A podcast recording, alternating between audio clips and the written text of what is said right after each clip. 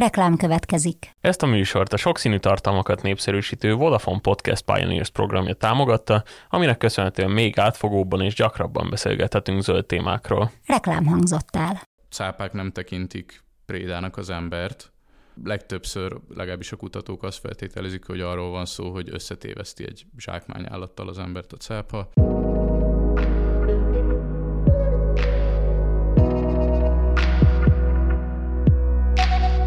Ez a Zöldövezet, a 24.hu környezet és természetvédelmi podcastje.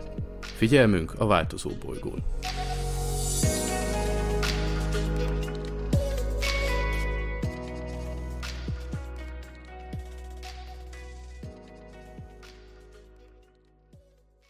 Üdvözöljük a hallgatókat, ez itt újra a Zöldövezet adása. Itt a nyári szünet közepén találkozunk újra, a 30 fokos melegbe a hetekig tartó csapadék után, és hát itt az időjárás is indokolja az első témánkat, ugyanis hivatalosan is elkezdődött az El Niño jelenség. Ugye erről már korábbi adásokban is beszélgettünk, ez lényegében egy természetes éghajlati jelenség, ami nagyjából 2 és 7 év között hát nem szabályos periódusokban ismétlődik. Az elmúlt években a La Niña jelenség uralta a Földet, ami lényegében az emberi káros tevékenységet kicsit visszafogta. Viszont az El most megjelenik a felerősítő hatás, ugyanis így a klímaváltozásba, hogy egyre jobban belemegyünk, az elkövetkezendő években egyre melegebbek lesznek. Bihari Dani kollégánk egyébként néhány héttel ezelőtt írt is erről egy nagyon jó összefoglalót, amelyben Molnár Lászlóval beszélgetett ennek a témának a kapcsán, amiről hát kiderült, hogy Magyarországra is igen erős hatása lesz. Meleg áramra téri majd el hazánkat így a nyár folyamán, és az augusztusi hónapok pedig hát valószínűleg igen csapadékosak és viharosak lesznek. Mit lehet tudni erről a jelenségről, és mi az, amit konkrétan érzékelni fogunk belőle? Hát amit érdemes tudni, hogy bizonyos vonásaival kapcsolatban, meg hatásaival kapcsolatban a, a kutatók is találgatnak még, ami, ami úgy nagy általánosságban elmondható, hogy az El Niño időszakokban a tél alatt, az, például az Egyesült Államok déli részén ott, ott nedvesebb körülmények uralkodnak, míg északon melegebb és szárazabb, illetve a csendes óceáni partvidékre is hat az El Niño Összességében, ha az egész képet nézzük, ahogy, akkor ahogy te is mondtad, az El Niño-nak egy ilyen, egy ilyen melegítő hatása van globális szempontból, ami mondjuk a klímaváltozással kombinálva nem feltétlenül egy jó hír. És igen, néhány adással ezelőtt arról beszélgettünk, hogy véget ért a La Niña, ami mondjuk fel, felfogható az El Niño párjaként, és június 8-án a NOAA, az amerikai Nemzeti Óceán és Légkörkutatási Hivatal az bejelentette, hogy elkezdődött az El Niño időszaka, ami azt fogja jelenteni, hogy az elkövetkező periódusban valószínűleg hőmérsékleti rekordok fognak megdőlni, amit te is kihangsúlyoztál, és szerintem mindenképp fontos elmondani, hogy ugye ez egy természetes jelenség, tehát erre nagyon sok adat van, hogy ez a múltban is lezajlott. A működését ezt nem teljesen értik, és egy kis ilyen kuriózum, hogy, hogy a napokban olvastam egy kutatásról, hogy a mai Peru területén létezett a csimu kultúra, és hogy az kiépített egy elég komoly 10 km hosszú falrendszert, és hogy állítólag ezt azért hozhatták létre, hogy némiképp ellensúlyozzák az El Niño hatásait, felfogja esetleg a, a El Niño által szállított port, Úgyhogy ez, ez abszolút együtt él az emberiség ezzel a jelenséggel nagyon hosszú ideje. Ugye arról is lehet hallani a meteorológusoktól, hogy ez nem is feltétlen még idén fog lecsapódni nagyon erősen, hanem a jövő évben, 2024-ben ugyanis, amit, amire számítanak egy ilyen 1,5-1,7 Celsius fokos emelkedés a, az átlaghoz képest, ami hát azért már túl van a másfél fokos melegedésen, amit ugye meghatároztunk. Természetesen már többször elmondtuk egyébként az adásban, hogy másfél fok az sajnos nem lesz betartható, és már az elkövetkezendő években látni fogjuk a, ennek a hatását. Viszont az El Niño kapcsán még arra térnék vissza egy kicsit, hogy szerintem nagyon érdekes, hogy nagyon nem mindegy periódustól függően, hogy milyen hatása van ennek. Ugye az előző ciklus, ami azt hiszem 2018-19-ben volt. Ennek nem volt olyan drasztikus hatása, viszont az, az egyel az előttinek viszont elég pusztító hatásokat okozott. Igen, ebből is látszik, hogy azért még nagyon-nagyon sokat kell erről tanulniuk a kutatóknak, elég sok a kérdő. Nyilván nagy általánosságokat el lehet mondani, és a mostani ciklus kapcsán is nagyon-nagyon sok szó esett arról, hogy, hogy itt számíthatunk most globális hőmérsékleti csúcsokra. Meglátjuk, mit hoz a következő év. Hát a jeleit már látni ennek lényegében, ugyanis a, megsemmisült a világ legnagyobb jéghegye, ami Budapestnél körülbelül ötször nagyobb volt. Ez az A76A jelzésű jégtömb volt, ami már egyébként is levált egy nagyobb jégtömbről. Ugye erről 2021 májusában számoltunk be, és utána ez több kisebb darabra esett, de hát a kisebb darab az ilyen szempontból elég szubjektív, lévén, hogy Budapestnél is nagyobb méretű darabokról beszélünk, és ami szintén a napokban jelent meg hír, hogy a Himalája olvadása, vagyis az ott lévő gletszerek olvadása sokkal súlyosabb mértékben emelkedik, mint ahogy arra számítottak. Ugye itt a, a mostani periódust, ez 2011-től 2020-ig nézték, és az előző évtizedhez képest itt egy 65%-os gyorsulást ö, figyeltek meg a kutatók, ami hát kifejezetten problémás, ugyanis a Himalája az tulajdonképpen a csakrája ilyen szempontból, főleg az ázsiai féltekének, de hát hatással van az egész világra. Ugye itt a legnagyobb folyórendszereken keresztül, a legnagyobb folyórendszerek közül tizet például ez lát el vízzel, és hát a környezetben élőknek is a, az ivóvizét és nagyon hasonló megélhetését például ez szolgáltatja. Igen, és egyébként hasonló aggályok, azok gyakorlatilag minden magas hegység kapcsán felmerülnek, kezdve az Alpoktól mondjuk az Andokig, a, ott ugye azok a helyi gletszerek, meg hótömegek, azok, azok elég fontos folyókat, folyamokat táplálnak.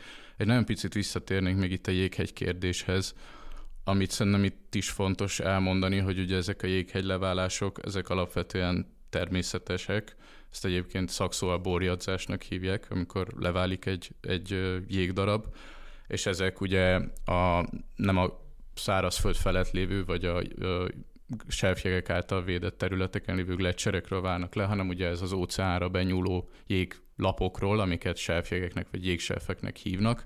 Hát ami kérdés, hogy esetleg ugye a klímaváltozás felgyorsítja ezeket a borjadzásokat, és ugye ami ismerjük a gyerekkorunkból a kísérletet, hogy egy jégkockát beleteszünk egy pohár vízbe, elolvad, akkor ugye a, a minden vízbe mártott test alapján ugye nem emelkedik meg a tengerszint. Ez ugye ezeknél a jéghegyeknél is elmondható. Ami itt problémás, hogy felgyorsul ez a borjadzási folyamat, a selfjegek egyre jobban feltöredeznek, és emiatt a szárazföld felett elterülő gletszerek is könnyebben tudnak, vagy gyorsabban tudnak olvadni, ami viszont ugye már megemeli a tengerszintet, hiszen ezek a gletszerek, ezek a szárazföldi talapzatra fekszenek rá. A másik probléma, hogy leválnak ezek a jégdarabok, és emiatt a sötétebb tenger az ugye már nem lesz fedett, tehát több hőt tud elnyelni. Ugye itt látni a klímaváltozásnak ilyen szempontból a kettőségét, hogy a, a tengerszint az például folyamatosan emelkedik, míg a szárazföldeken azt tapasztaljuk, hogy folyamatos szárazság, ivóvíz hiány pusztít. Ugye ezt Európában is most elég sok helyen látni, főleg Spanyolországot így déli országként nagyon erősen érinti ez a válság. Viszont ugye ez is emberi tevékenységből következik, viszont volt nem régiben egy, egy olyan emberi tevékenység, ami ennél sokkal magasabb léptéket ölthet ilyen szempontból helyi szinten, Ugye itt az ukrajnai gátrobbantásra gondolunk.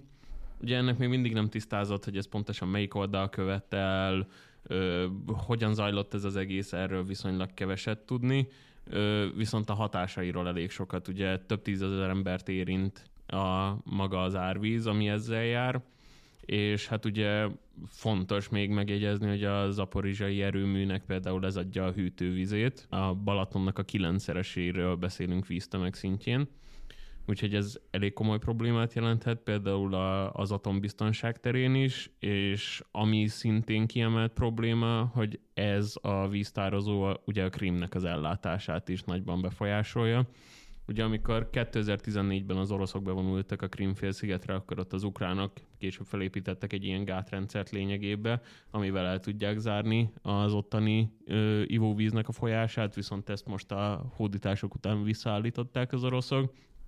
Így most egy újabb krízis következik ezzel. Szerintem erről is beszélgettünk már adásokban. Ugye itt az ukrajnai háború kapcsán az eléggé kidomborodik, hogy a környezet is tud fegyver lenni.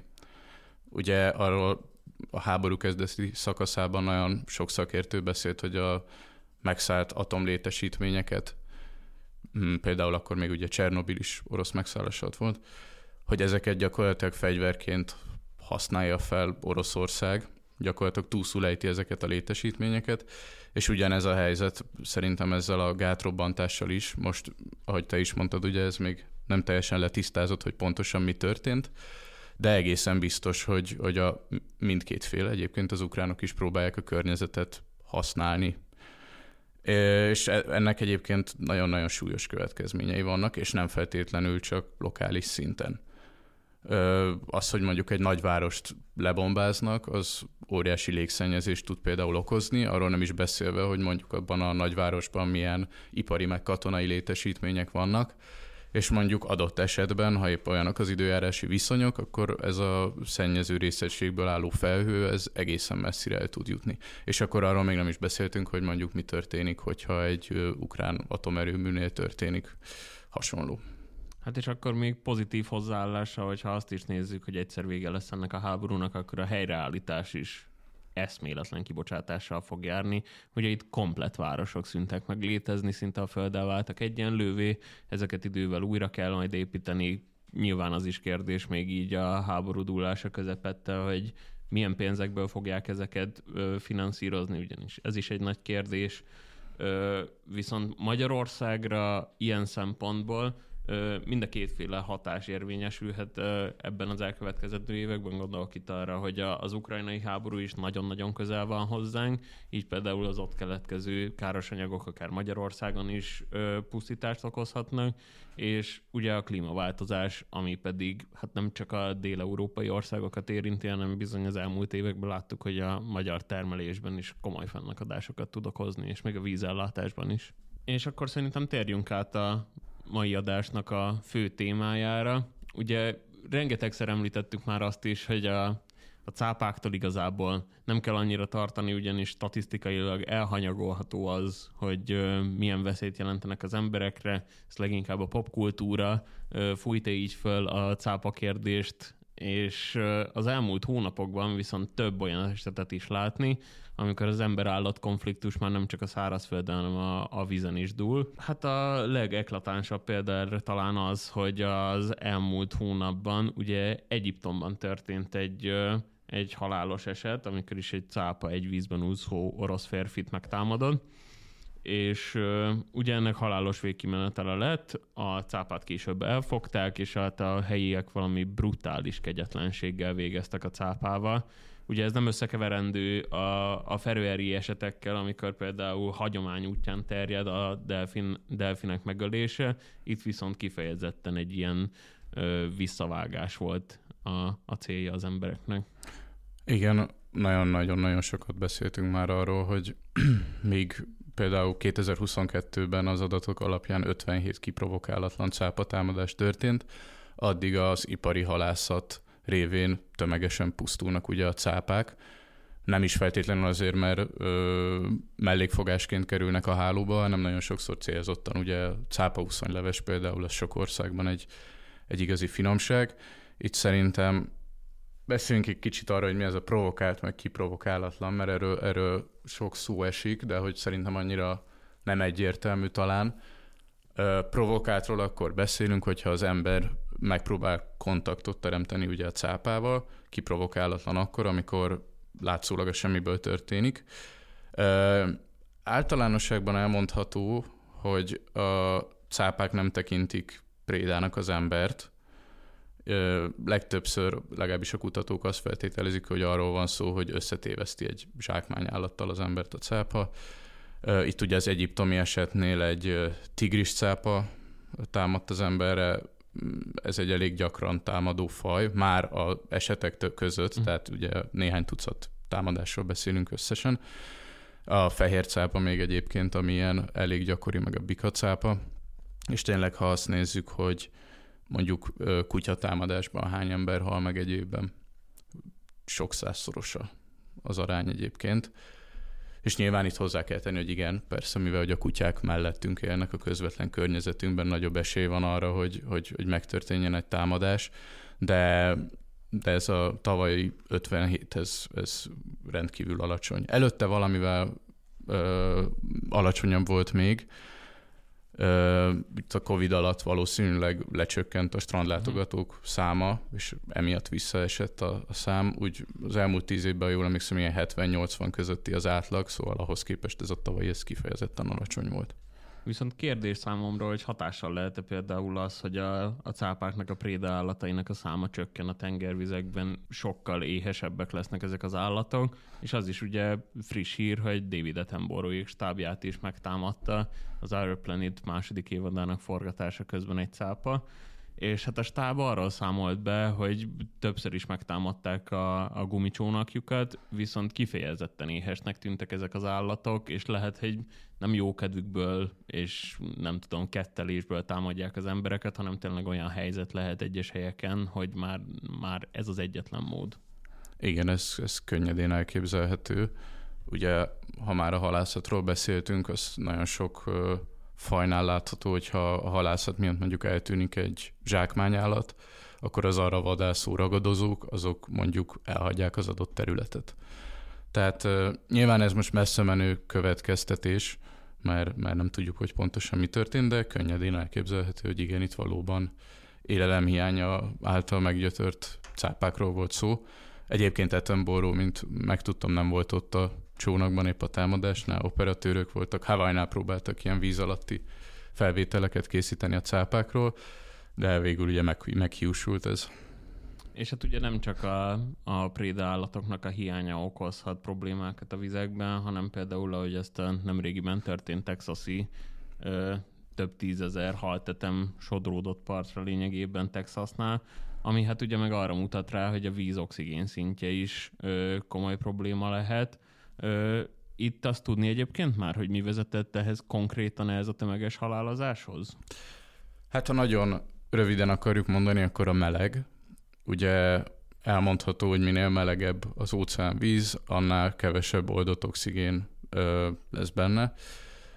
Hogy, hogy itt konkrétan milyen folyamat volt, annak nem olvastam utána különösebben. Ö, amit itt érdekességnek behoznék, hogy Amerikában főleg, de a világ más régiója, régióiban is előfordul, hogy algavirágzások okoznak oxigénhiányos állapotot, és a algavirágzások jellemzően ilyen melegebb időszakokban indulnak be, és például ez is egy olyan tényező következmény, amiről a kutatók nagyon régóta beszélnek, hogy a klímaváltozás miatt egyre gyakrabban fognak ilyen tömeges algavirágzások elindulni, ami a egy-egy élő közösségre nagyon súlyos hatást tud gyakorolni. A legkisebbtől a legnagyobb állatok tudnak pusztulni az oxigénhiány miatt, és egyébként még hogyha toxikus is az adott alga, akkor például a fürdőzőknek is, ha nem is halál, de mindenképp kellemetlenséget tudnak okozni.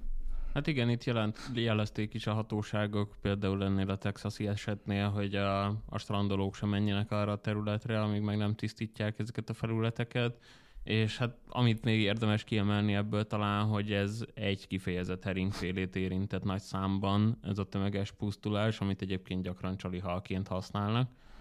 Ö, viszont látni azt is, hogy az állatok valamennyire megpróbálnak alkalmazkodni az ember jelentette fenyegetésekhez, és hát az elmúlt időszakban valami elképesztő mennyiségű karcárnyú delfin támadás történt ugye hajók ellen, hogyha jól emlékszem, ez már több százas nagyságrend idén, és mit lehet tudni arról a konkrét esetekről, amik mostanában történnek? Ugye itt sokszor hallani olyat, hogy például a hajóknak az irányító lapátját tépik le, és volt olyan is, hogy több hajót is elsüllyesztettek.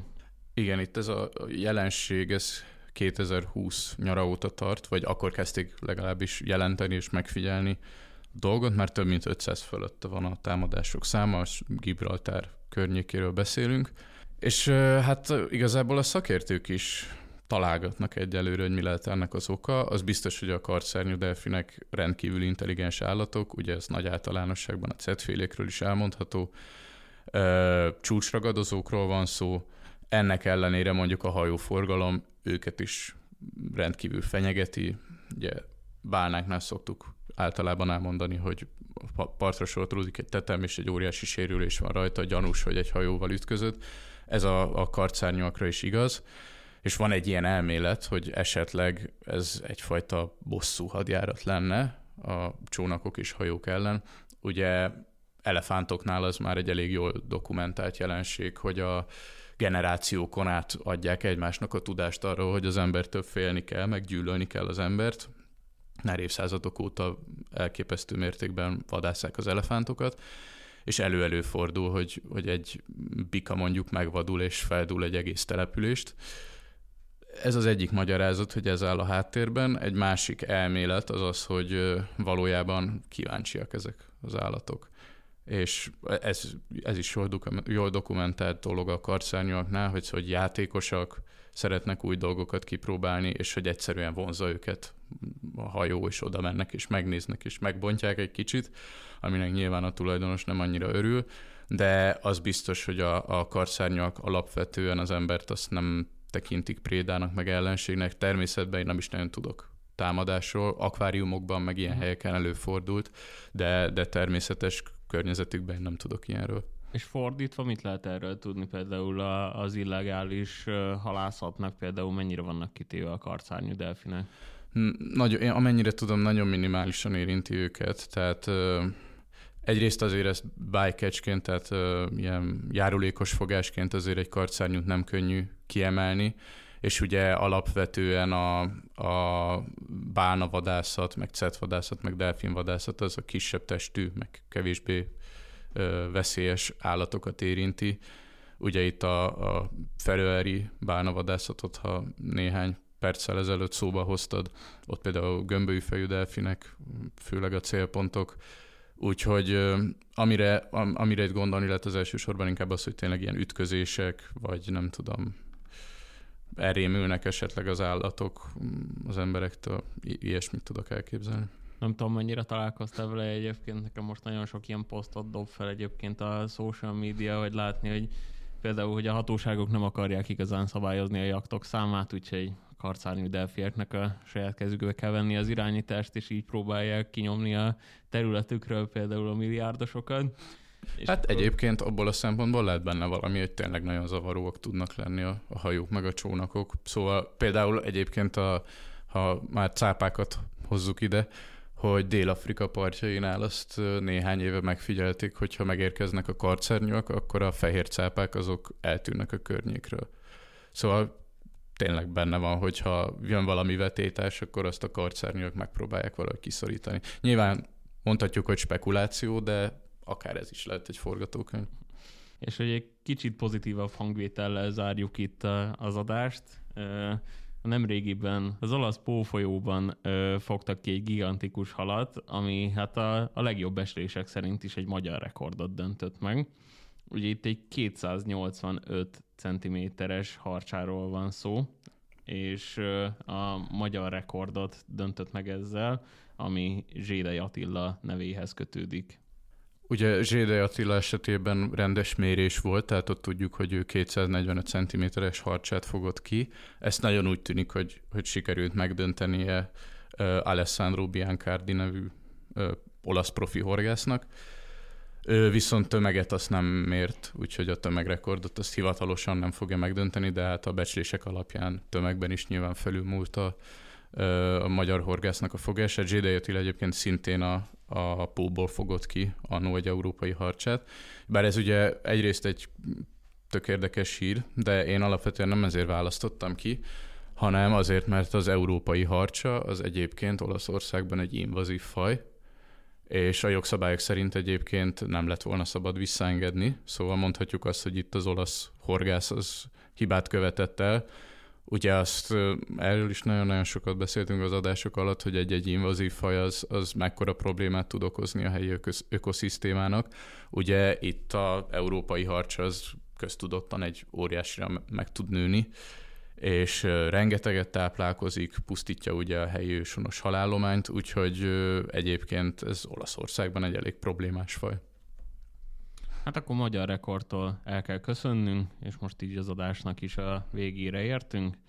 Reméljük, hogy tetszett, és tartsatok velünk a következő adásban is.